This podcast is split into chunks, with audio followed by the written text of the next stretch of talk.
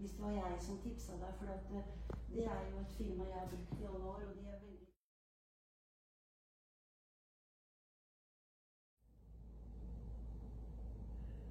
This is uh, Valborg in Norway. My podcast is Visit My Art Studio. And today I'm visiting Siv Asbjørnsen. She is uh, making jewels in different sort of materials.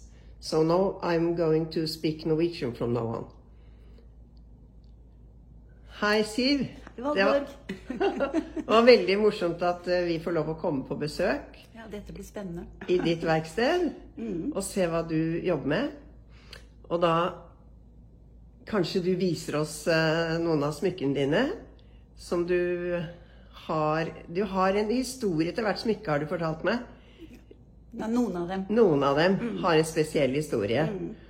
Og du drar ofte til ja, til utlandet, til markeder, og så finner du gamle smykker, deler av smykker som du tar med deg og komponerer nye. Ja. Det er, eh, det er på en av de måtene jeg blir inspirert til å lage nye ting på. Ja. Ved å finne materialer. Ja. Uh, ja. Og gjerne?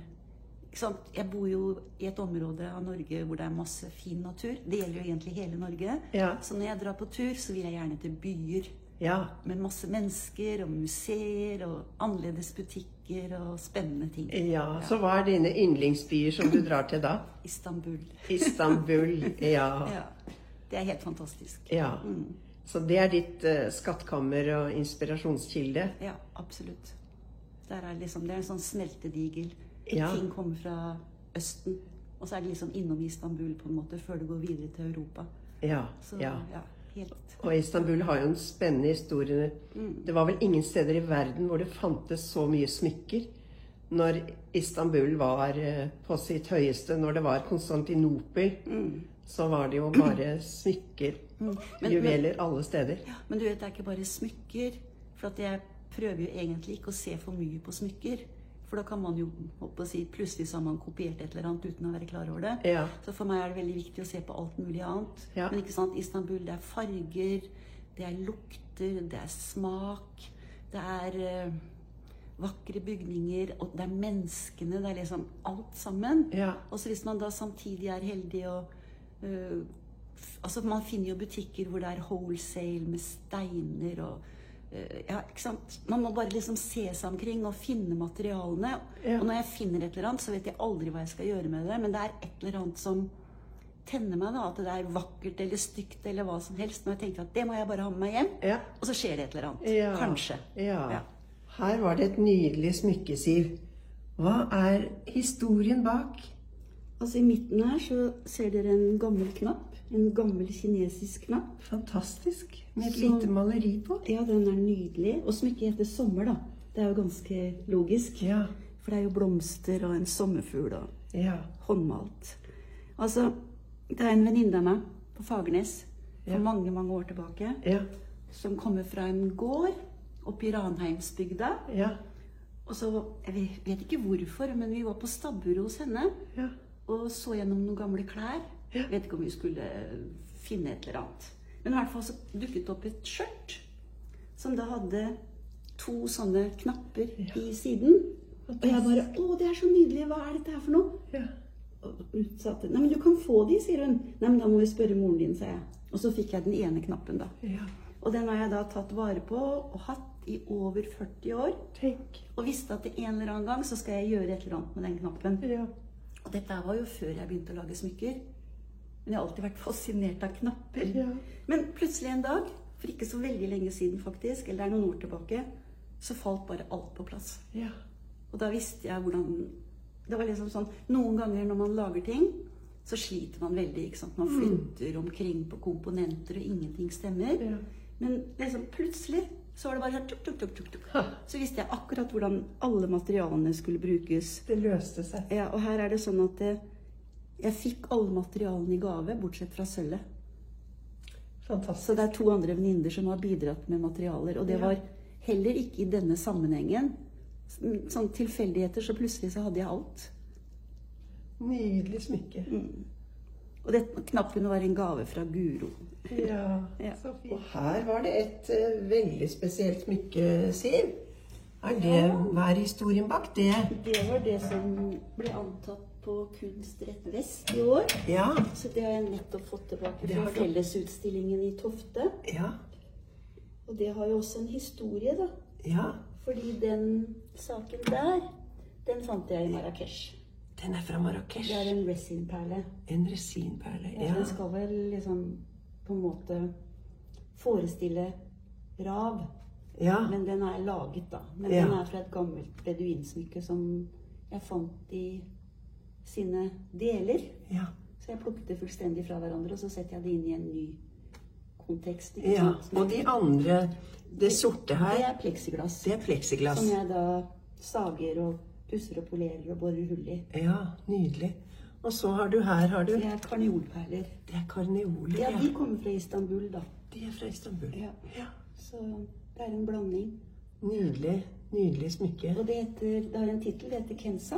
Ja, hvorfor heter det det? Fordi det er eh, Da jeg var i Marrakech, Ja. så helt tilfeldig så fant vi ut at Altså, vi fløy egentlig til Agadir, men altså, jeg mener, man må jo til Marrakech når man er i Marokko. Ja.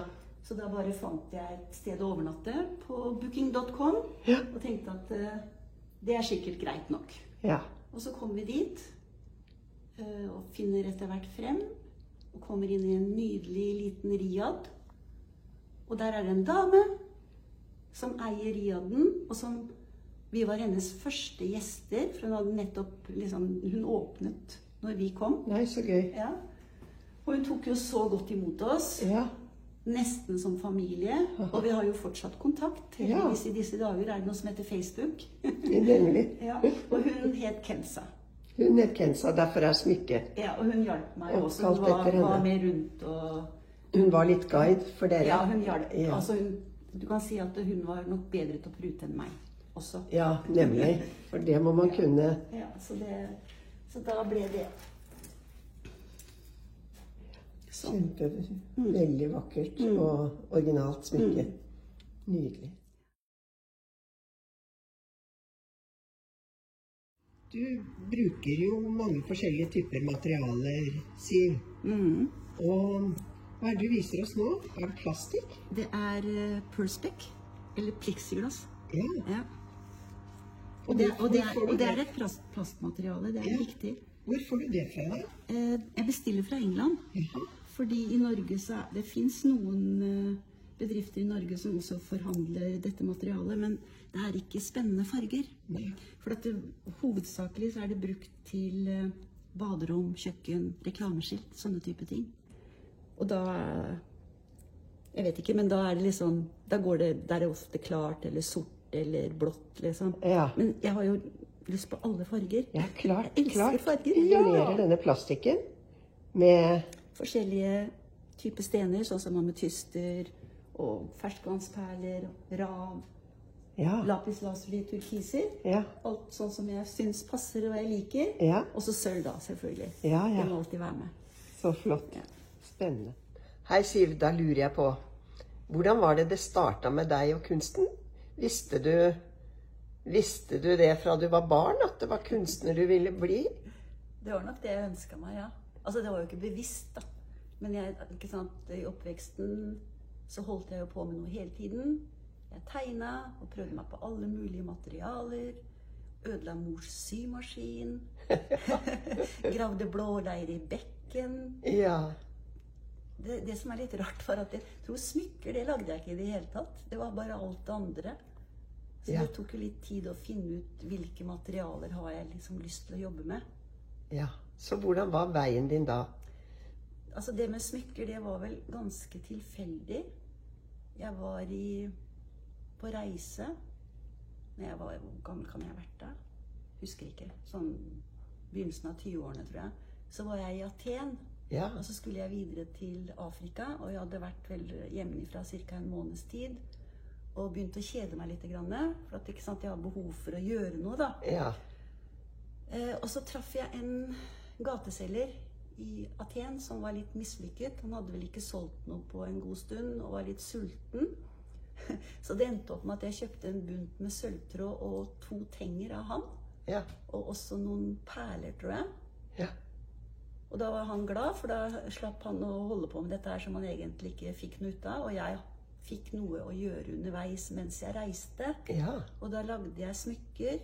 Etterpå så dro jeg videre til Egypt, og da fant jeg jo liksom litt sånn mummibeads og sånn, som de kalte det. Det var det selvfølgelig ikke, men det var litt spennende, da. Og så denne sølvtråden, og så lagde jeg ting, og så ga jeg det bort underveis. Å ja. Og oppdaget at folk syntes det var morsomt og spennende og sånn. ja. Og Du, var- ga- du ga det bort, du solgte det Nei, ikke? nei, da bare ga jeg det bort. Oh, ja. Jeg syntes liksom det var bra nok til å selge, Ja. men jeg hadde glede av å gjøre det. Mm. Og det var veldig hyggelig å se at andre likte det. Ja. Så det var vel egentlig begynnelsen. Så, Ja. Og så kom jeg hjem, og så fortsatte jeg. Ja. Og så holdt jeg på på egen hånd ganske mange år. Og så fant jeg ut at dette må jeg lære ordentlig. Ja. Fordi jeg følte meg at jeg stanga hodet i veggen, for jeg hadde ikke teknisk kunnskap til å komme videre. Ja. Og da dro jeg til Oslo og begynte på gullsmedlinja. ja. Gullsmedlinja på, Ja. Elvebakken. på Elvebakken. Ja. Mm. Så da var jeg der i tre år og tok svennebrev til slutt. ja. Så da er du en mester.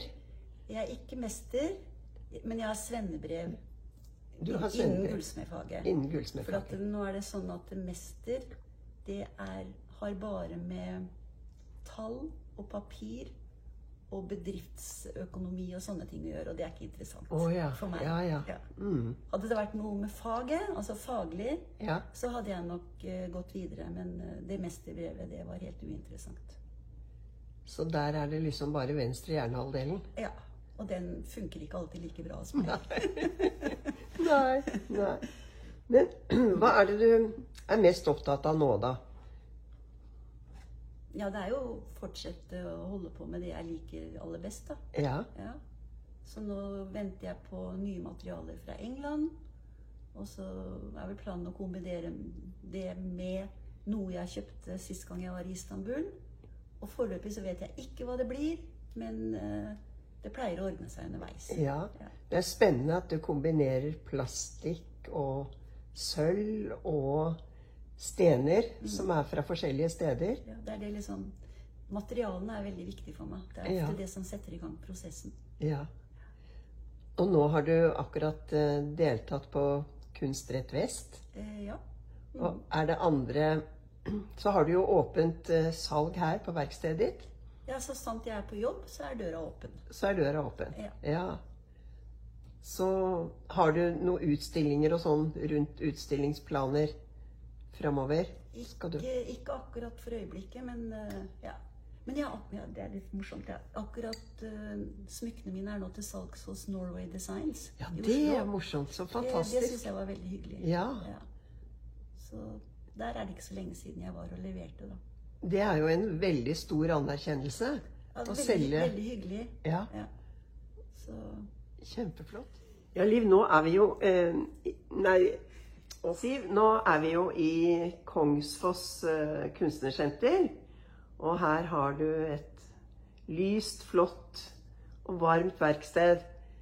Men eh, hvordan startet dette kunstnersenteret her, da? Jo, det hadde seg sånn at jeg hadde tidligere et verksted oppe i Strandgata. Faktisk i det huset som jeg nå bor i og eier.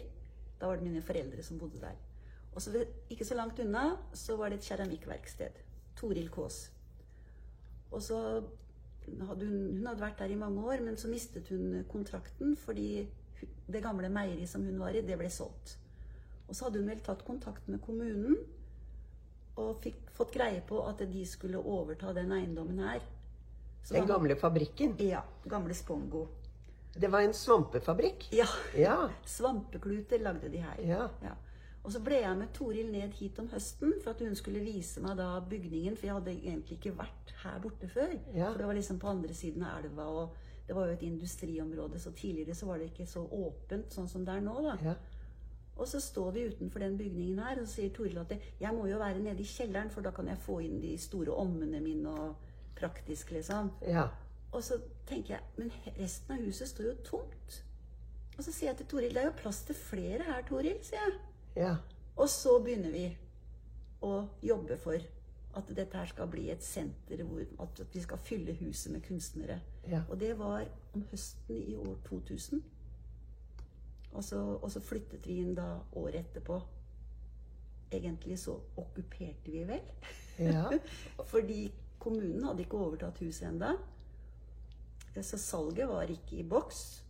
Og den sommeren hvor Toril og jeg kom hit, da var tidligere direktør for Kongsås Fabrikker, Spongo De kom tilbake for å pakke sammen fabrikken og sende den til Kina. Og han syntes det var en strålende idé, så han slapp oss inn. ja.